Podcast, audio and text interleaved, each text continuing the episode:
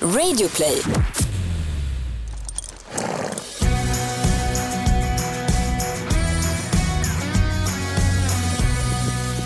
Välkommen till podcasten Ridklubben med mig Gry Forssell. Och mig Rebecka Lagin. Vi är hyfsat nyligen hemkomna från Jönköping Horse Show. Exakt. Elmia var vi i och tittade på hästtävlingar och passade på att träffa massa härliga hästnördar. Ja, det är ett väldigt bra forum för oss så att säga. Verkligen. Lisen Bratt är en av eldsjälarna. Lisen som det finns ett avsnitt med en intervju med i tidigare avsnitt här av Ridklubben. Ja, men precis. Hon är en av grundarna till tävlingarna. Ja, och Sylvia Söderstrand har vi också poddat med. Jaha. Ja. Och vi träffade båda när vi var i Jönköping. Exakt. Det var verkligen kul tävlingar. Ja men det var det verkligen. Det var bra lägstanivå tycker jag hela tiden och allting var väldigt intressant. De hade gjort om lite så jag kände mig lite vilse första dagen. men jag hittade snabbt mellan tävlingsbanorna. Och Nicky som jag pratar kanske för mycket om här, det vet jag inte. Men Nicky halkade in, hast- helt oplanerat, halkade in i en käpphästtävling. Som Ja, ett hon, kval. så hon kvalade in sig till att vara med i familjeshowen så hips vips så står hon och hoppar käpphäst inför fullsatta läktare på den här familjeföreställningen. Ja, alltså inne på arenan, på Ja. tävlingsbanan där alla hästar är. Där var det liksom käpphästfinal på lördagskvällen. Och den vann hon, hon var glad som en spelarman. Och det var också fantastiska duellhoppningar och det var fyrspanskörning, det var Islandshästar och det var nej men, jättebra familjeshow. Väldigt, väldigt roligt. Och som grädde på moset, som lök på laxen, som topping på tårtan eller vad säger man, så fick du och jag också en träff med Peder Fredriksson. Ja, alltså drömmarnas dröm. Ja. Hur, om det är någon som mot förmodan som lyssnar på den här podden inte har koll på Peder och alla hans framgångar och vad han är för person egentligen. Vad, vad kan vi säga om honom? Ja, men alltså, det började ju tidigt ändå kan jag säga. Så här, 89 så fick han ju EM-guld i fälttävlan så där satte han ju ribban ganska högt för sin karriär. Men sen har det ju tickat på för nu senast så hade, fick han ju OS-silver här i Rio de Janeiro och eh, EM-guld i Göteborg. Det minns ju alla säkert, där hemmaguldet som han fick. Och så Jerringpriset två gånger om. Exakt. Och är ju en fantastisk, det är så kul att få möjlighet att se honom rida oavsett om det är på tv eller i verkligheten. Ja, han känns ju som en så horse whisperer. Ja. Alltså, han känns som att han kan tala med hästarna. Ja, har du sett det avsnittet när Gunde Svan är hälsar på, på Grevlunda gård Ja. där han och Lisen bor? Ja. Också jättekul att se. Jättebra. Och den här Allan-dokumentären borde också alla se om det är någon mot förmodan som inte har sett den. Ja men faktiskt. Så att vi fick en hel timme tror jag nästan vi satt och pratade häst med honom och passade på att ställa alla våra frågor. Ja. Det var som en dröm. Verkligen. hade kunnat prata hur många timmar som helst till. Men vi förstår att han har lite annat att göra också. Innan ni ska få höra hur det lät när vi träffade Peder Fredriksson i Jönköping så vill vi tacka Scanby och Stallpellets för att ni sponsrar den här showen. De träffade vi också på Jönköping. ja precis, de var där. Det var jättetrevligt att träffa dem i verkligheten också. Verkligen. Och de hade med sig sina produkter och så fick man klämma och känna och de berättade lite om dem. Och det var en grej vi lärde oss där Ja. som vi fick upp ögonen för. Berätta. Jo men då är det så här att när de processar sitt spån, det är ju trä som man gör ner till små pelletsform och då tar de ut damm. Så alltså 90 damm försvinner från produkten under den här produ- eh, processen. Så, Så- att det inte ska damma lika mycket i stallet. Nej.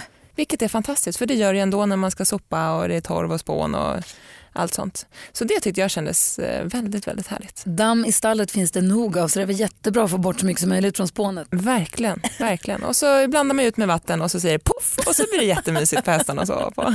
Ja, tusen tack säger vi till Scanby och kolla in deras produkter på scanby.com om ni blir nyfikna på dem. Exakt. Nu är det vi som är nyfikna på Peder Fredriksson.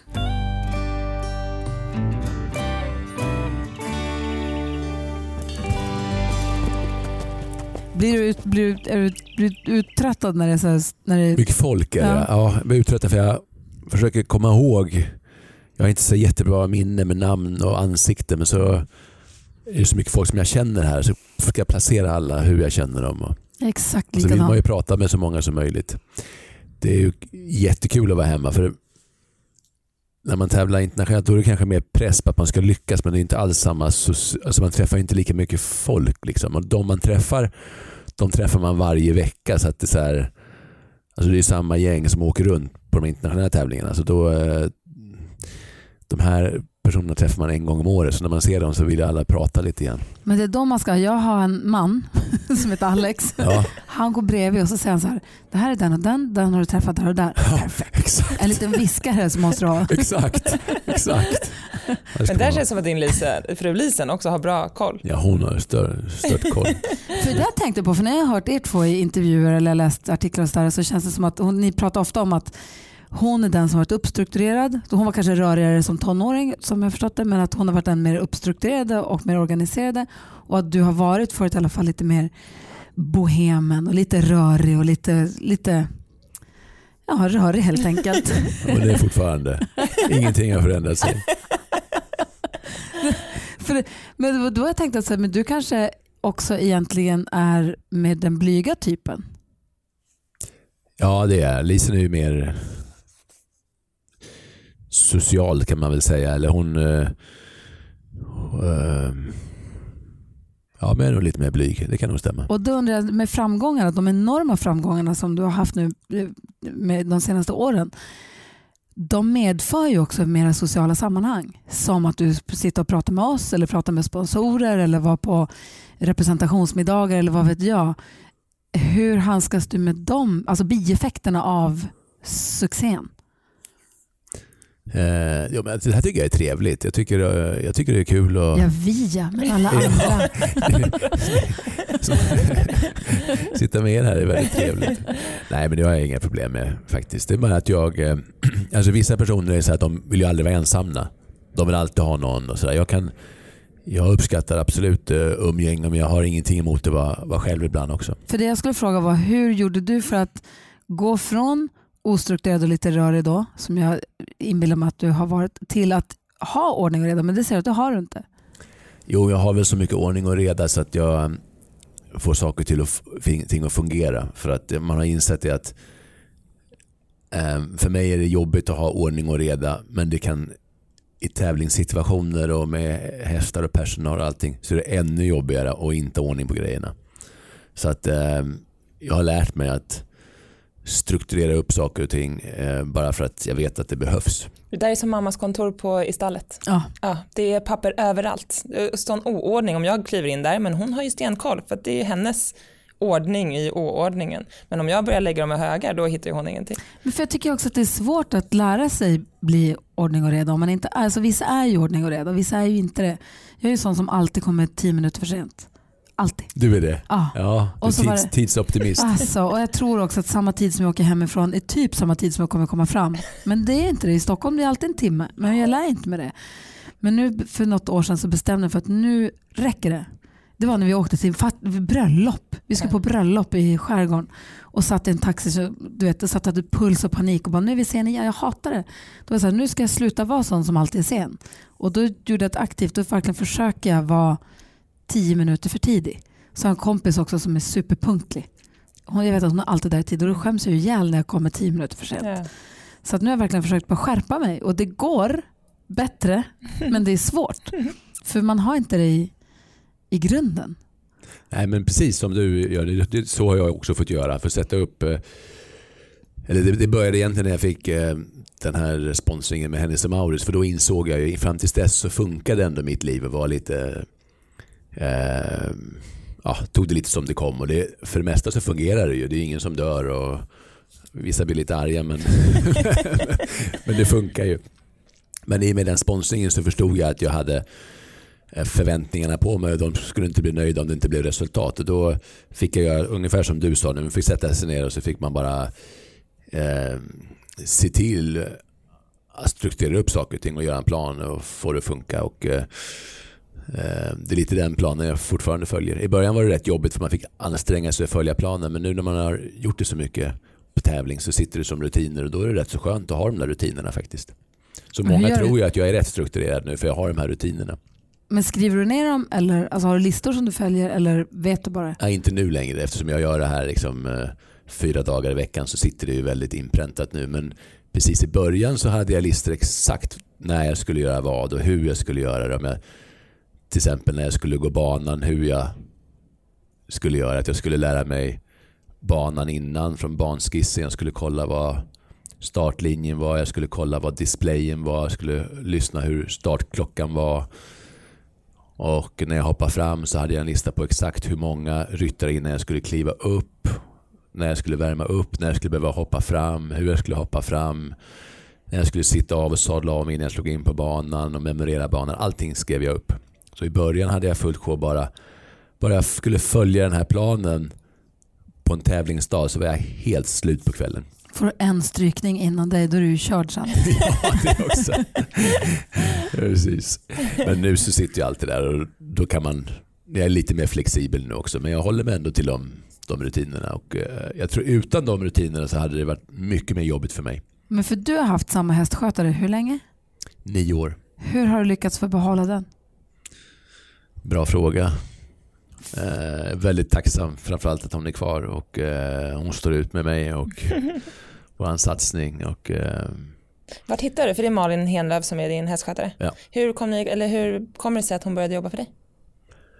eh, ja, man måste ha en hästskötare. Jag hade en annan tjej tidigare som hade jobbat också väldigt många år. Och, eh, sen slutade hon och skulle börja jobba med någonting annat och då började Malin. Och sen, ja, sen, man jobbar ju väldigt tätt ihop och eh, hon, eh, hon är hästskötare men hon är också väldigt delaktig i satsningen. Hon känner hästarna bra. Hon har liksom lika högt ställda mål som jag har och, och liksom brinner lika mycket för det. Så att, eh, vi jobbar ihop mot, mot samma mål och det är det, det är det jag tror gör att, att det är motiverande för henne att jobba, jobba kvar.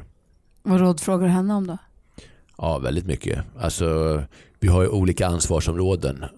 Ehm, och ju längre hon har jobbat ju, ju större ansvar tar hon på fler punkter. Liksom. Så att vi har, vi har hela tiden diskussioner om du vet, vilken häst som ska gå var. Om jag till exempel ska ta en häst med på en tävling så måste det fixas med veterinärpapper och ibland blodprov. Och ska hästen flyga så måste man boka mm flyg och uppställningar på vägen och allt, allt sånt håller hon i. Mycket administration och det praktiska också. Ja det är det verkligen. Det känns ju helt ska... sjukt att man bara ska flyga med en häst som säger, alltså det ska ju uppstallning och det ska tas blodprov ja. och det är liksom, det är inte bara hemma, ställer in hästen i lastbilen och åker till grannklubben och hoppar ett varv utan Nej. det är ju sånt större maskineri. Dels ska man ta sig dit och alla papper ska vara i ordning. Men sen ska också hästen komma fram i bra skick så att den Exakt. har rest på ett bra sätt och lagom långt och är utvilad. Och och sådär. Och det vet man kanske inte första gången, hur hästarna mår? Nej, man måste ha, man måste ha, dels måste hästskötaren ha, ha, eller den som är ansvarig för det måste ju ha rutin på det. Och sen är det bra också om hästarna får rutin på det efter ett tag. Veckans powerdeal hos Vedol. Jalas! Rätt sko för rätt jobb. Alla fötter är olika och alla jobb kräver olika skydd. Jalas har skyddsskorna för dig och ditt jobb. Så den här veckan, välj skyddsskor från Jallas hos Swedol. För säkerhets skull! För säkerhets skull. Nej. Dåliga vibrationer är att gå utan byxor till jobbet. Ah. Bra vibrationer är när du inser att mobilen är i bröstfickan. Alla abonnemang för 20 kronor i månaden i fyra månader. Vimla! Mobiloperatören med bra vibrationer.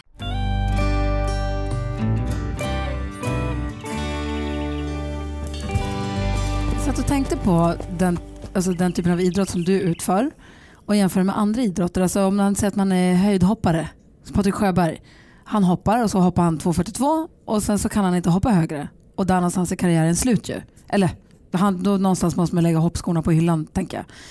Men du, alltså som ryttare så kan man ju få sådana enorma framgångar med en häst och sen så börjar man om med en helt annan häst. Alltså det finns mm. ju så många idrottskarriärer i en idrottskarriär som hästryttare. Mm, verkligen. Och det är ju, hästryttare. Det är ju en del, det är ju en del av det hela. Det, är, som det ena är, först måste man lära sig rida. För att uh, man måste ha talang, man måste rida bra. Men sen en annan stor del av en hoppryttare eller en ryttares jobb det är att se till att man har bra hästar i stallet. Och Det låter ganska enkelt liksom, att man ska ha bra hästar men det är väldigt svårt att hitta de här bra hästarna. Och sen hitta hästägare som vill gå in och, och som sen är nöjda. Man får samarbetet att fungera. Och det, det är en väldigt stor del av det. Och eh, man hör någon ryttare ibland säga liksom att eh, det är så orättvist för jag har ingen bra häst och sådär. Men det är inte orättvist för att det är en del av jobbet att se till att man har bra hästar. Det liksom ingår i, men det är så ballt just att man kan nå sitt max, men sen kan man nå sitt max en gång till och en gång till och en gång till Ja, på ett sätt som man inte kan göra om du Nej, nej, springer så, 100 är det, meter eller hoppar häck eller vad det kan vara. så är det verkligen. Och så Och, eh, karriären som ryttare känns ju också mycket längre. Alltså man kan ju vara jättebra när man är 20 men också när det är nästan 80. 80 hoppas jag. hoppas Jo jag men Ulla, blir typ är Håkansson, hon är 80. i och för sig dressyr. men ändå, man kan ju liksom vara jättebra jätte, jättelänge. Ja, det det känns som man. att hockeyproffs eller höjdhoppare, de har ju sin peak under något eller några år. Nej, det är en fantastisk sport så att det är ju blandad ålder och så tjejer och killar ihop och på så sätt så är det ju en, en, en eh, suverän sport. Men vi pratade om det lite grann eh, med Peter Markne och jag vet att du pratade om det också i något tävlingssammanhang, kommer inte ihåg vad det var, men just att marginalerna blir mindre och mindre och mindre på den nivå som du är på. Hur jäkla tajta kan de bli igen? Alltså förut, som vi sa, folk kommer bara så raka underarmarna för att bli så lätta som möjligt. För att för de kommer börja liksom minska på allt, allt, allt, allt. allt. Absolut. Nej, men det är, eh, alla sporter på högsta nivå går ju framåt, så är det bara. Men hur kan ridsporten, det känns som att nu är det liksom, nu är vi så bra det kan bli. Det kan inte bli så mycket bättre. Eller? Ja, men jag tror det jag skulle också. säga om tio år så har sporten kommit enormt mycket längre Ja, framåt. jag tror det. Jag tror vi kommer skratta åt det vi håller på med nu. Och vad Nej, tror du blir tror jag. förändringarna? Jag tror att eh, hästarna blir ju bättre och bättre för att eh, aveln går framåt. Det tycker jag bara man kan se nu. Ser man på hästarna nu och för tio år sedan så är hästarna mycket bättre nu. Och eh, jag tror att, jag menar, som jag är rätt så lång, jag försöker att um, inte väga för mycket men jag väger också all min utrustning och försöker ha absolut så lätt utrustning som möjligt. Men jag skulle tro om 10-20 år då är, det få ryttare som är framgångsrika som är den längden jag har. Jag tror det kommer vara kortare, kortare ryttare som väger mindre. Och sen tror jag att eh, hur hästarna föds upp från att de är föl tills de är fyra år kommer förändra sig. Hur Så- då? Eller vad, hur kommer det förändra sig du? Vad vi jobbar med nu är ju att eh, har man en bra häst så vill man att den ska vara så länge som möjligt i sporten Ja. och skadefri som alla andra idrottsmän. Eh, Men eh, tyvärr så är det vissa hästar som kanske är jättebra men så får de en skada och så kan de inte fortsätta. Och jag tror man kan förebygga skador väldigt mycket genom att se till att, att, att från hästen är föl tills den är 3-4 år att den rör på sig. Att den inte bara går i en hage och får mat på ett ställe. För att om man säger en häst från att den är 0 till 4 eh, Det är ungefär som en människa som är 0 till 20. Om du tänker en, en kille eller tjej som inte har gjort någonting tills den är 20 år. Bara har suttit liksom framför en dator till exempel. Som en häst gör om den går i 90 hage procent och av Sveriges hö. befolkning nu då, helt enkelt. Ja. Men sen då, och sen helt plötsligt så ska de bli elitidrottare på och börja träna hårt så kommer de gå sönder. Därför senor och ligament och allting det utvecklas eh, hos en häst från att den är föl till den är 3-4 år. Så därför måste hästen tror jag röra sig. Behöver inte träna hårt så här, men den måste ändå röra sig för att stärka upp de här. Så- Och där tror jag att det kommer eh, för det läggs, nu läggs det mycket pengar på avel. Man vill ha bästa hingsten och bästa stoet och man engagerar sig mycket i det. Och man kan till och med köpa föl nu på auktion för flera hundratusen och till och med embryo för flera hundratusen.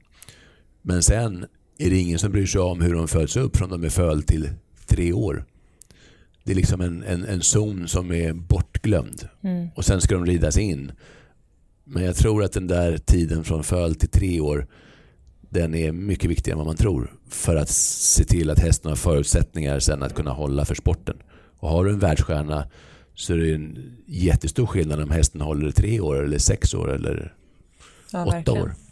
Alltså om jag köpte ett embryo för flera hundratusen då hade jag nog sett till att den hade de här bästa tänkbara förutsättningarna 0 till 3 också. Ja, Jo men det ja kanske men, men jag tror många. också att, jag tror att det är den kunskapen. Jag tror Mm. Många vill absolut sina hästar väl men de kanske tänker tvärtom. Att det ska vara så säkert som möjligt att gå i en du vet, liten hage som är Platt. med grus, mjukt grus i för att det inte ska hända någonting. Men det är inte det det handlar om. Det handlar om att de måste stärka upp sin kropp. Så de kanske måste gå på i riktigt stora hagar. Riktigt stora hagar och få vattnet på ett ställe och maten på det andra stället så att de rör på sig. För, för att stärka upp sin kropp. Det tror jag också, mycket kuperat, alltså så att de måste vandra upp, Upp och ner och ner, ja, det gärna tror jag lite också. liksom knöggligt så att de liksom, Lite knöggligt så de tränar upp sina Exakt. leder och ligament. Så de, de är starka i kroppen. Ehm, den dagen de rids in så är de lite förberedda för det. För sen är plötsligt så får de på en ryttare på 50, 60, 70 kilo uppe på sin egen kroppsvikt som är otränad. Och då ska de börja arbeta helt plötsligt. Så att, ja. Det är bra om de är, kan, är starka med sin egen vikt innan man Först. lägger på en till vikt. Liksom. först, ja.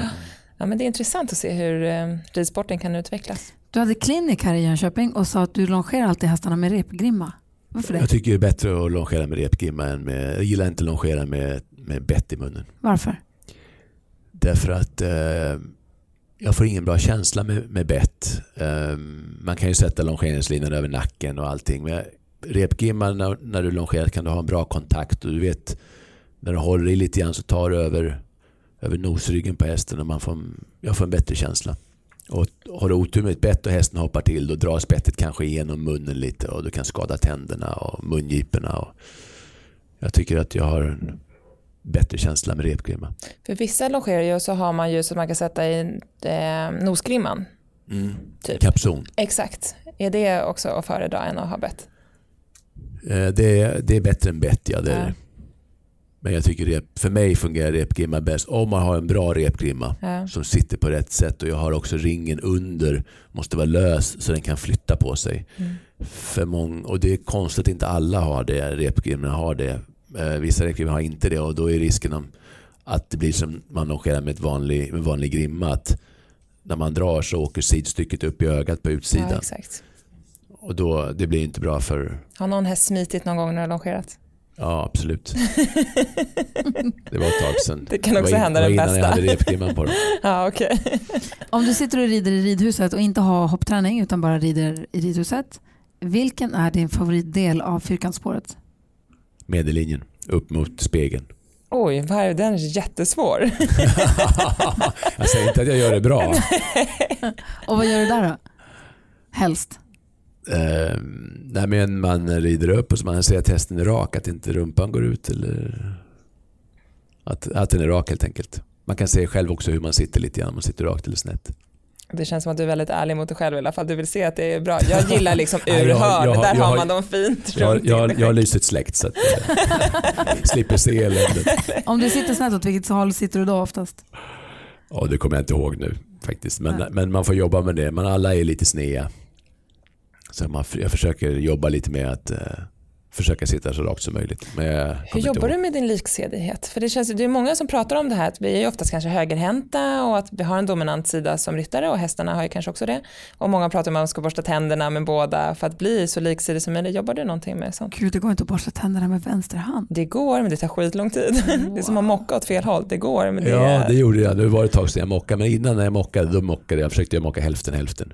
Ja, du gjorde det. Mm. Mm. Har du något annat sådär som du försöker tänka på lik- liksidighet? Nej, jag borde göra mer. Jag, har, jag gör ingen övning för det. Men man, man ska egentligen göra det, absolut. Det är dumt att man inte gör det. Mm. Däremot jobbar man ju hela tiden med hästens liksidighet. Och jag försöker kolla att jag sitter så rakt jag kan. Men, men eh, där finns absolut stor förbättring att göra. Kan du sitta upp från fel sida? Eh, det var länge sedan jag prövade Jag tror inte jag skulle kunna ens. Vad skulle du säga? Jo, det går, men det är också svårt. Men man ser på barn, jag har en son som är tre och han använder ju liksom båda händerna lika mycket egentligen. Så det blir ju säkert en övergångsperiod där sen när man börjar göra allt med höger, man skriver med höger eller borstar tänderna med höger och sådär. Tänk om man skulle då kunna liksom fortsätta att här, man ska göra sakerna varannan dag, vänster höger hand. Mm, Undrar om man skulle bli en bättre och mer liksidig absolut. ryttare eller människa efter ett tag. Det är Jag har- skitsvårt jag har nu ju när man är äldre. mellanson, min, min, min mellanson Hjalmar, han spelar ju fotboll. Så han har alltid varit på att han ska spela varannat skott vänster, varannat skott höger. Ja, är han lika bra höger-vänster? Nej, han är bättre på höger, men han kan spela med Med vänster, vänster. också. Det kommer säkert vara en jättebra förutsättning för honom sen när han blir lite större och När han är stjärna sen båda. ska han tacka Exakt. hur?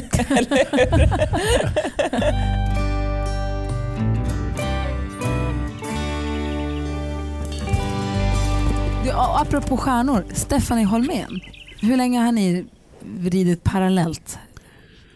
Eh, Vad kan hon ha varit hos oss i sex år ungefär, skulle jag tro. Och nu har hon seglat upp. Det går ju hur bra som helst för henne. Ja, hon hon är- superduktig. Jätteduktig Och nu tävlar ju ni mot varandra. med varandra. och mot varandra? är det med varandra?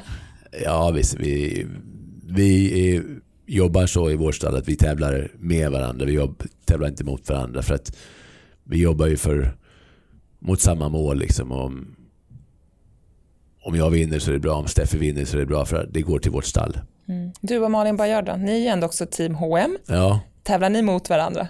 Nej, vi tävlar också mer med varandra. Med. Men det är klart att i slutändan om det är en omhoppning och vi båda två är med så vill man ju alltid vinna och det gäller ju Steffi också såklart. Men om jag river och Malin är omhoppning eller Steffi skulle vara omhoppning så hejar jag självklart på dem. Ja. Du och din bror Jens, ni tävlade mot varandra igår kväll, eller hur? I samma hit. Eller tävlade ni också med varandra? No. jo, vi tävlar också med varandra för man vill ju varandra väl man står nära. Så att, så att, eh, det är klart när det är verkligen kniven på strupen och man kommer in i en omhoppning så här, man står och liksom man tävlar om ett eller två, då vill man ju alltid vinna såklart. Men det är inte så att vi är konkurrenter, så ser inte jag det i alla fall, utan vi är mer eh, kollegor. Men jag tänkte just på Steffi där, att för, det kändes som förut så red hon de yngre hästarna och så red du de äldre. Men nu så rider ni på samma tävlingar och på samma, mm. i samma klasser och sådär. Mm. Hur delar ni upp det då? Nej, men Steffi, Steffi har jobbat eh, ganska må, många år hos oss och eh, hon är super, super talangfull men också en, en eh, riktigt hard worker och en bra teamplayer. Och, och eh, vi ville ge henne chansen att, att liksom kunna ta klivet upp. För att eh, ja, vi tyckte hon var värd det helt enkelt. Så hade jag en, en bra häst, Flip Little Sparrow, som jag är sam, pratade med min hästägare om, om, om, eh, om Astrid Olin. Eh, och vi tillsammans kom fram att Steffi skulle få rida henne så hon hade en häst som kunde gå på högsta nivå. Varför tog du det beslutet? Ja men lite för att Steffi var, var värd det också. Vi tycker hon är värd väldigt mycket för våran eh, för vår verksamhet. Och var det den hästen då som du kände att du kom minst överens med eller hur kom det sig att det var just den hästen? Eh, det är väl en av de hästar jag tycker absolut bäst om men hon är väldigt känslig också och jag ja. tror Steffi är lite mindre än vad jag är och hon sitter väldigt stilla. Så jag tänkte att, att hon kanske skulle rida henne bättre än vad jag gjorde. Ja. Och eh, direkt så var det liksom en supermatch. Så att eh, de har haft jättemycket framgång ihop och och nu tävlar hon en annan häst som heter Cute också som jag har tävlat lite grann i år och som Steffe rider nu. Och, för att just nu har jag lite mycket hästar. Och, så att eh, vi är glada för att ha Steffi i, i, eh, i verksamheten. Hon gör ett suveränt jobb och jag tror hon är glad och har fått chansen att kliva upp liksom och visa vad hon går för. Det är jättekul att se henne rida tycker jag. Det är jättekul att se och följa framgången. Ja, hon är en, en, hon är en stjärna men jag tror verkligen för framtiden att hon är stort hopp för Sverige. Varför går det så jäkla bra? Alltså för, det känns som det går otroligt bra för dig men också svenska hoppryttare överhuvudtaget. Vi har jäkla framgångs... Vad säger man? Ja, det var ju någon artikel här också jag hittade ju att du och Henrik von Eckermann var de, eh, ska se om jag hittar den, Tim Warden har tagit fram statistik på 266 ryttare från 41 nationer som ridit Grand Prix med stora pengar förra året. Och då rankar jag topp 10 och då ligger du etta och sen Peter, eh, Henrik von Eckermann två. Det var inte illa. Det var inte illa. Nej, det var inte illa. Och hur kommer det sig att det går så bra för svenska hoppryttare? Vi är ett så litet land egentligen. Ja, det är verkligen. Jag tror att det är eh, många faktorer tror jag. dels så tror jag att det är eh, att vi har haft förebilder som Rolf-Göran Bengtsson till exempel som har varit bäst i världen. Han var ju världsetta under ett år nästan eller någonting. Och det visar att ja, det visar vägen lite grann för oss andra. Och sen till exempel som en sån, till exempel Henrik och, och jag och Malin och många andra. Är det några stycken som är bra så man peppar varandra, man tar varandra fram och man tävlar med varandra men också lite mot varandra och man hjälper varandra framåt. Ibland är det laghoppning, ibland är vi omhoppning i någon Grand Prix och sen sitter man och käkar lunch och pratar man och diskuterar. Och jag tror att det, det tar en, en nation framåt som, som har hänt i Sverige nu. Mm. För att ta ner det lite till oss amatörnivå så är det många som säger att man ska, typ som jag, att jag ska hoppträna med folk som är lite bättre än mig. För då ser jag hur de rider och så vill man ju ta efter och så vill man ju bli lite bättre. Ja, man vill bli som dem. Så är det. Och det definitivt. kanske är samma sak där, att ni hela tiden är på toppen och så liksom peppar man varandra och blir lite, lite bättre hela tiden. Så är det absolut. Så är det absolut. För att jag kommer ihåg, jag satt med Scott Brash i chatten i London ett år och då låg han, det här kanske var för tio år sedan, och då låg vi ungefär eh, samma på världsrankingen, vi låg väl ungefär runt 200 på världsrankingen. Och så satt jag några år efteråt på samma tävling i chatten med honom och helt plötsligt, jag låg kvar på 200 men han var bäst i världen. Så frågade jag honom, liksom, vad, vad har du gjort? Har du bytt tränare? Eller vad, hur har du kunnat gå från, från, från 200 till, till bäst i världen? Och då sa han det att jag fick bra hästägare, fick bra hästar men framförallt så är jag på femstjärniga tävlingar varje helg. Mm. Och det är som du säger, är man på femstjärniga tävlingar varje helg och ser du de bästa ryttarna i världen och du tävlar mot dem och då det, det, det är också det att hoppsporten är ju en väldigt svår sport att du kan inte träna på tävlingsmomentet hemma. Nej. Det kan, jag, jag har inte gjort dressyr så mycket men där kan man säkert, jag vet inte om man rider dressyrprogrammet eller inte men man tränar i övningarna. Men hopp, hoppning, du kan aldrig träna en, en femstjärnig omhoppning hemma i ridhuset utan mm. Eh, det gör du bara i tävlingsmomentet. Och det är klart, gör du det varje helg mot de bästa i världen då tar du dig framåt. Mm. Gör du det bara en gång eh, varannan månad då har du svårt att hävda dig. Precis, för där tänkte jag också på hur förbereder man sig? För jag och min häst, vi kom hit med för två år sedan och då är det första gången han ska gå en sån här stor pampetävling och det är musik och det är liksom, det är väldigt extraordinärt för både honom och en stor grej för mig. Och då kan jag tänka mig om du ska åka iväg på OS eller EM eller ja, men en stor tävling. Du kan ju inte åka dit och träna en vecka innan på banan eller hindren eller utan man måste ju träna utan att ha varit där och tränat. Hur gör man det för att ha bästa förutsättningar både som ryttare och häst? Ofta är det som o, de hästar som skulle gå OS och VM och sånt, de, de förbereds på andra femstjärniga tävlingar. För de andra stora femstjärniga tävlingarna, de har atmosfär och de här sakerna. Sen alltid på VM så är det alltid lite spektakulära hinder. Då får man väl se till att man väljer en häst som eh, är modig helt enkelt. Mm. Som, som man vet eh, inte är för tittig på för det kommer på OS och, VM det kommer alltid komma några hinder som de aldrig har sett förut. Nej. När man kommer upp på vår nivå så måste man se till att man har hästar som är bra nog som egentligen inte behöver, man inte behöver träna hoppningen på utan man tränar på tävlingarna eftersom eh, det är tävlingar nästan varje helg. Man har olika uppsättningar av hästar så innebär att hästarna tävlar ungefär var tredje vecka. Mm. Och emellan där så, i alla fall jag hoppar nästan aldrig mina äldre tävlingshästar. De tränar jag aldrig hemma i hoppning. Så Alin han, hoppar, han tävlar bara? Han tävlar bara. Och skulle jag hoppa hemma så hoppar jag bara för att han kanske haft en lång paus. Men att han, hans muskler behöver ha bara lite ett hopp, spänst och hopp, explosivitet. Så det är mer så. Jag tränar inte någon teknikträning. Eller, Hur ställer du hindren då i sånt fall? Om du ska hoppa lite hemma? Jag ställer dem på ett trevligt enkelt sätt och så hoppar jag inte så stort. Det är mer bara så att han ska få några lite språng i kroppen så musklerna håller kvar sin explosivis, explosivitet. Har du något favorithinder? Om du har två hinder, hur skulle du ställa dem i ridhuset då? Eh, jag skulle hoppa på det som stod.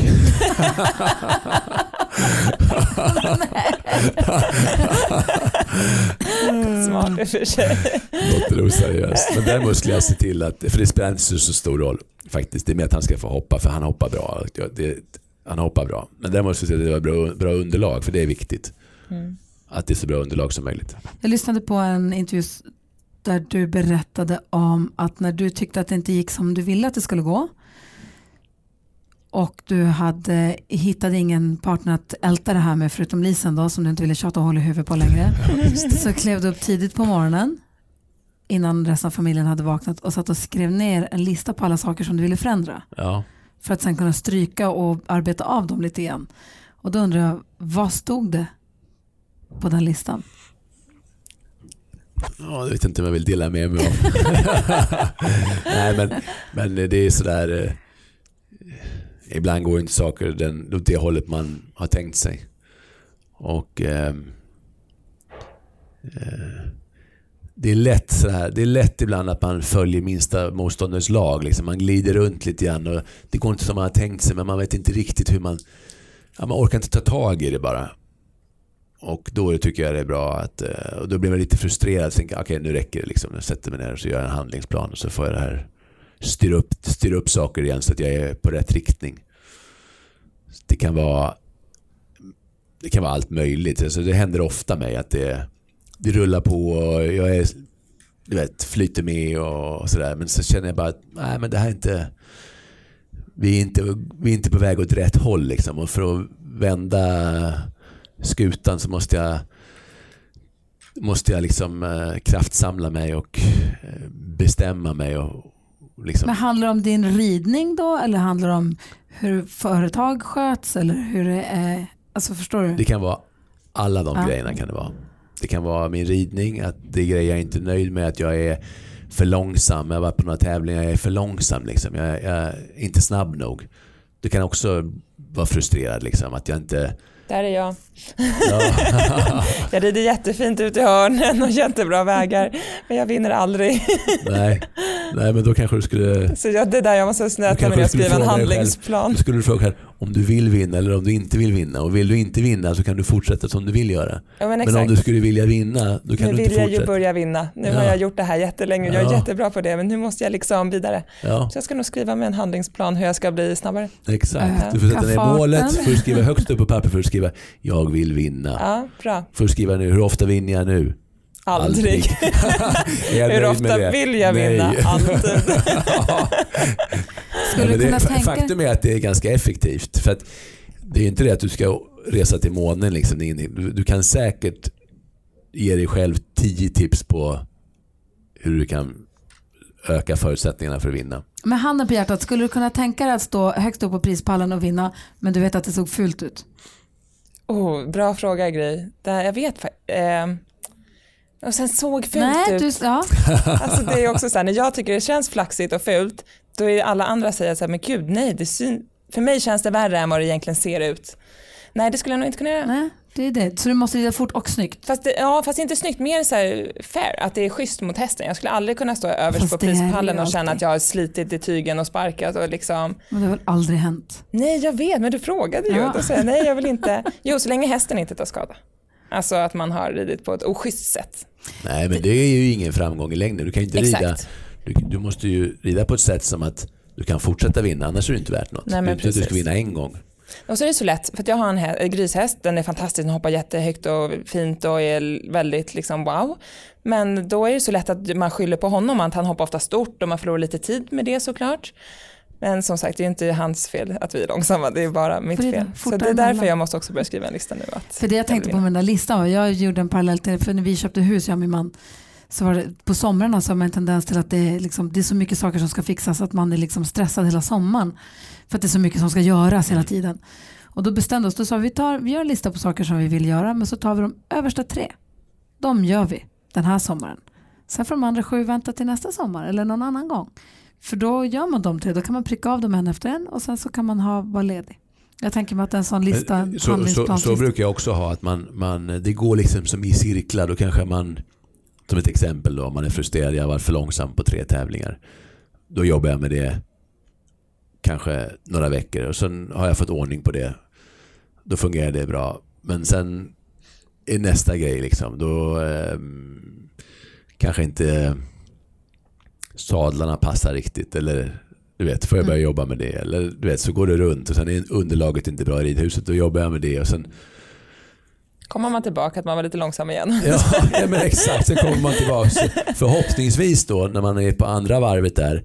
Kan man bli ännu Då bättre. kan man lyfta sig lite grann. Va? Så varje gång man tar ett varv runt så förhoppningsvis så har man inte sjunkit ner utan man kan ta vid där man slutade. Kanske inte riktigt men förhoppningsvis och man kan lyfta sig lite. Det är det som, är, det är det som gör att man hittar utveckling. Att man tar de här varven, så jobbar på det, ger en liten paus och sen får man på det igen och lyfter lite till och lite till. Mm. Det är som man eh, vad heter det, uppgraderar en telefon. Att man,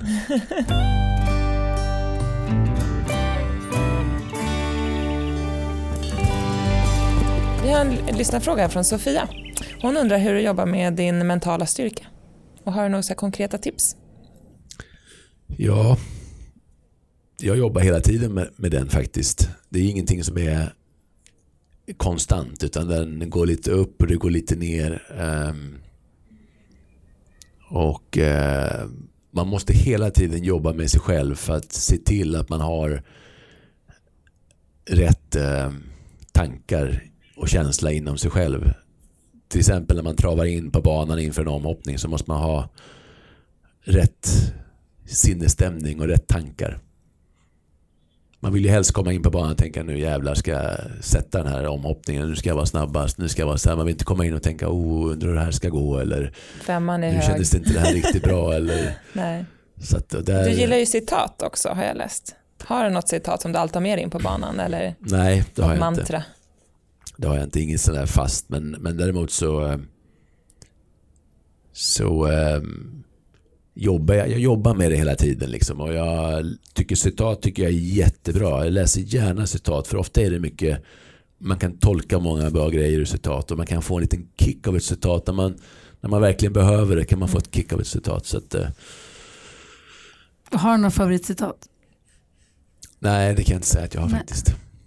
Lite en minut håll ut brukar jag tänka när jag går in på banan och är skit. en minut, håll andan. Jag överlever det här. Det tänker jag inte så riktigt. Men jag kommer ihåg när jag gick upp på stor häst, från ponny till stor häst och skulle starta min första 1.10. Alltså jag var så nervös. Armarna var spaghetti och ryttaren innan mig ramlade av och fick åka ambulans. Jag fick så här vänta en halvtimme, stod där vid, äh, det var hemskt. Usch, jag mådde så dåligt. Och det var en tjejkompis till mig, hon bara en minut Rebecka, det är 60 sekunder där inne. Håll, en minut, håll ut. Så det har varit lite min, när jag är lite Det är spagettiarm bra. nervös. Nej, man skulle ju vilja veta tycker jag, även på, jag menar alla är ju nervösa. Det spelar ingen roll vilken nivå du är på så tror jag att alla är nervösa när det verkligen gäller. Ehm, och man skulle ju bara vilja veta vad folk tänker när de travar in på banan. Vilka tankar och känslor går igenom huvudet på ryttarna. Ja, Det vore så intressant.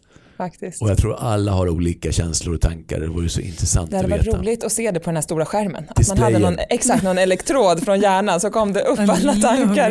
Det Det vore så, så, roligt.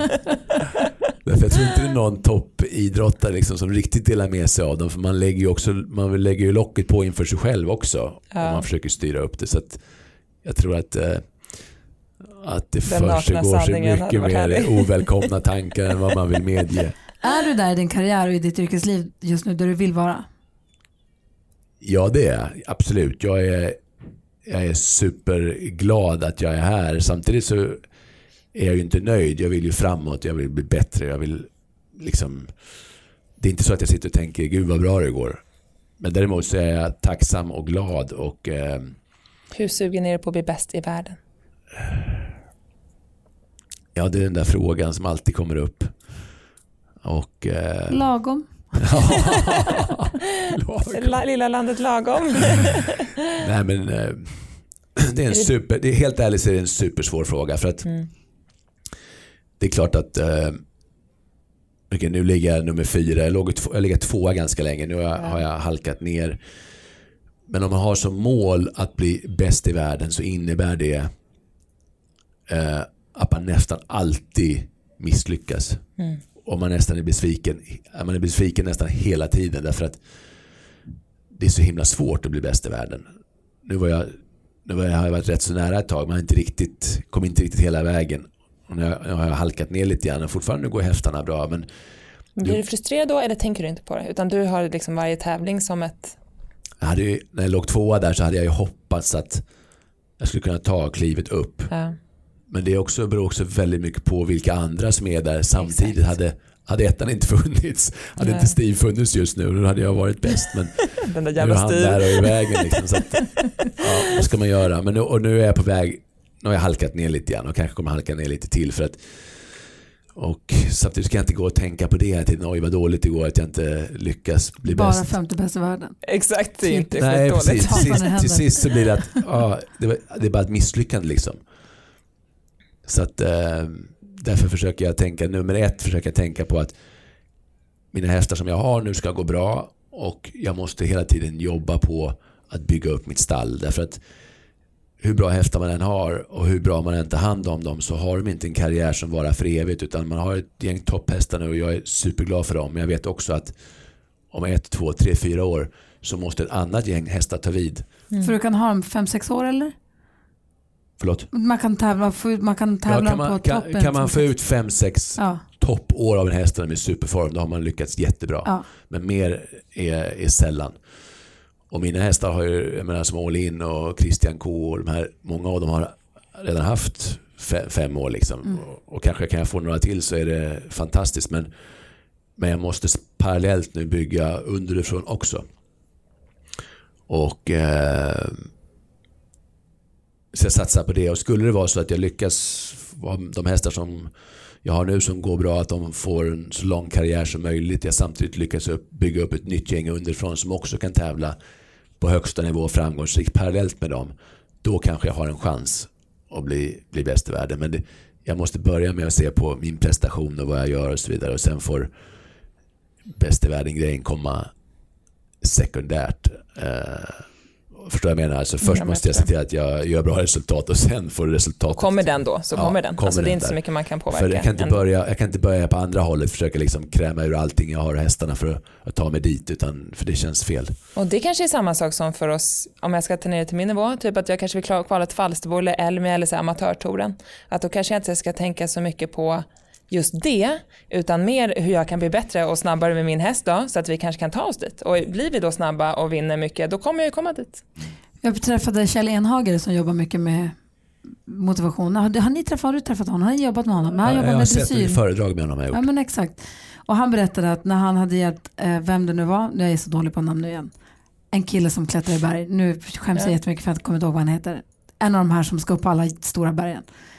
Kjell Enhager hade pratat med den här bergsklättraren och så hade han frågat honom, vad har du för mål? Och så sa han, jag ska komma upp för berget. Alltså det är de som har det som mål som dör där uppe. För när du väl har kommit upp så ska du också komma ner. Och har du satt som mål där uppe, då kommer du upp och då, jag klarar det, yes. Mm. Sen ska du ner och att ta sig ner är ännu svårare än att ta sig upp. Så han hade tagit, satt en sten där på basecamp och sa lä- lägg händerna på stenen.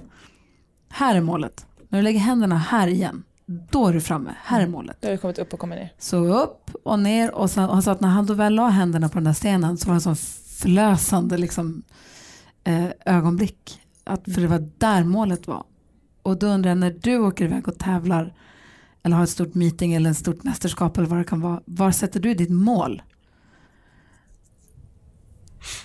Ja, inte med händerna på en sten i alla fall. Kanske ska börja med Nej, men det, det... Nu har jag haft sån tur att jag har ju haft eh, bra framgång på mästerskap. Jag kom tvåa på OS och jag vann EM. Så det är klart att, att eftersom jag har haft det så har- sätter jag ju målet högt. Att jag vill, eh, jag vill vinna. Är det på prispallen då? Precis, det är att man vill se sig själv kliva upp på prispallen. Och det, det, det har väl ändrat sig. Det, det hade jag aldrig som mål förut. Utan innan hade jag bara som mål, bara prestationen. Men jag tror också att man, om man ska kunna vinna ett mästerskap så måste man kunna se sig själv kliva upp på prispallen. Man måste någonstans bli bekväm med den känslan att det är just du som ska skriva upp på den där pallen. Det, det, det är det som är ditt jobb. Det är där du ska vara. Om man inte kan se sig själv göra det, då tror jag aldrig man gör det heller. Och det vet jag också vissa ryttare som, eh, jag pratade med Michael Whittaker igår här och han, vi kommer att prata om när han vann, han vann Grand Prix i Aachen, helt otippat, men han sa morgonen när han vaknade upp, han var säker på att han skulle vinna Grand Prix i Aachen. Det var ingen annan som trodde det, men han sa han visste han skulle göra det. Och även Nick Skelton när han vann eh, OS-guldet i, eh, i Rio där jag var tvåa. Hans häst hade inte hoppat så himla bra faktiskt. Men han sa också på morgonen när han vaknade upp. Han visste att det var hans dag idag. Kan du känna så också när du vaknar? Aldrig. Aldrig Oj, där har du någonting du måste börja jobba på. faktiskt. Det är, det, Det är bara i taket ovanför sängen, idag kommer jag vinna. Jag tror det var i, i samband med EM eller något, när, så, när du pratade också om det att alla som är på den här som är framme nu vid den här omhoppningen eller på den här nivån, alla är så himla duktiga och lika, det handlar om vem som har bäst dag egentligen. Vem som har det idag. Ja, det ligger lite, li, ligger lite i det. Och framförallt så tror jag också att man måste tänka att att vara, att vara vad heter det, man måste vara um, consistent. Att man är, går inte, lyckas man inte idag så lyckas man imorgon. Så länge man håller lägst, en, en, en hög lägsta nivå. För det, det är så i vår sport att du kan vara i en bom och den kan ligga kvar. Du kan vara i den och den ramlar och det kan avgöra om du kommer fyra eller om du vinner. Och För så hårt är det faktiskt. Ehm, men på det stora hela så jämnar det ut sig. Så därför har jag väl med åren försökt att inte gräva ner mig om en bom ramlar. För jag vet att om jag håller liksom motivationen uppe och fortsätter jobba hårt så nästa gång den är i så kommer den ligga kvar. För det gäller alla. Så att, eh, man försöker, försöker tänka lite så att man, att man aldrig ger upp. Att man försöker fortsätta vara- göra så bra man kan. Och, ehm, ibland har man turen på sin sida, ibland har man inte det. Liliana undrar, varför rider du eh, mest hingstar och vallacker på högsta nivå? Ja, bra fråga. Jag pratade om det idag faktiskt. Någon som frågade vad jag hade mest. Och jag har haft mest framgång på vallackar genom året. Nu vann jag på en hingst idag i och för sig. Men eh, Varför hatar du ston? Varför hatar du tjejer? nej, jag älskar ston faktiskt. En av mina favorithästar är en stor Flip Little Sparrow som är en av mina absolut favorithästar. Så att, eh, Kul också att du att bort det- din favorithäst till Stephanie. jag tror bara att det är eh, tillfällighet faktiskt. Härligt. Hörru, tusen tack för att du tog dig tid. Superhärligt. Vi skulle kunna sitta och prata flera timmar men vi förstår att det finns annat som ska göras också. Exakt. Tack själv. Ja. Tack. Och lycka till framåt. Tack. Nummer ett. Yay. Idag kommer jag vinna. Yay!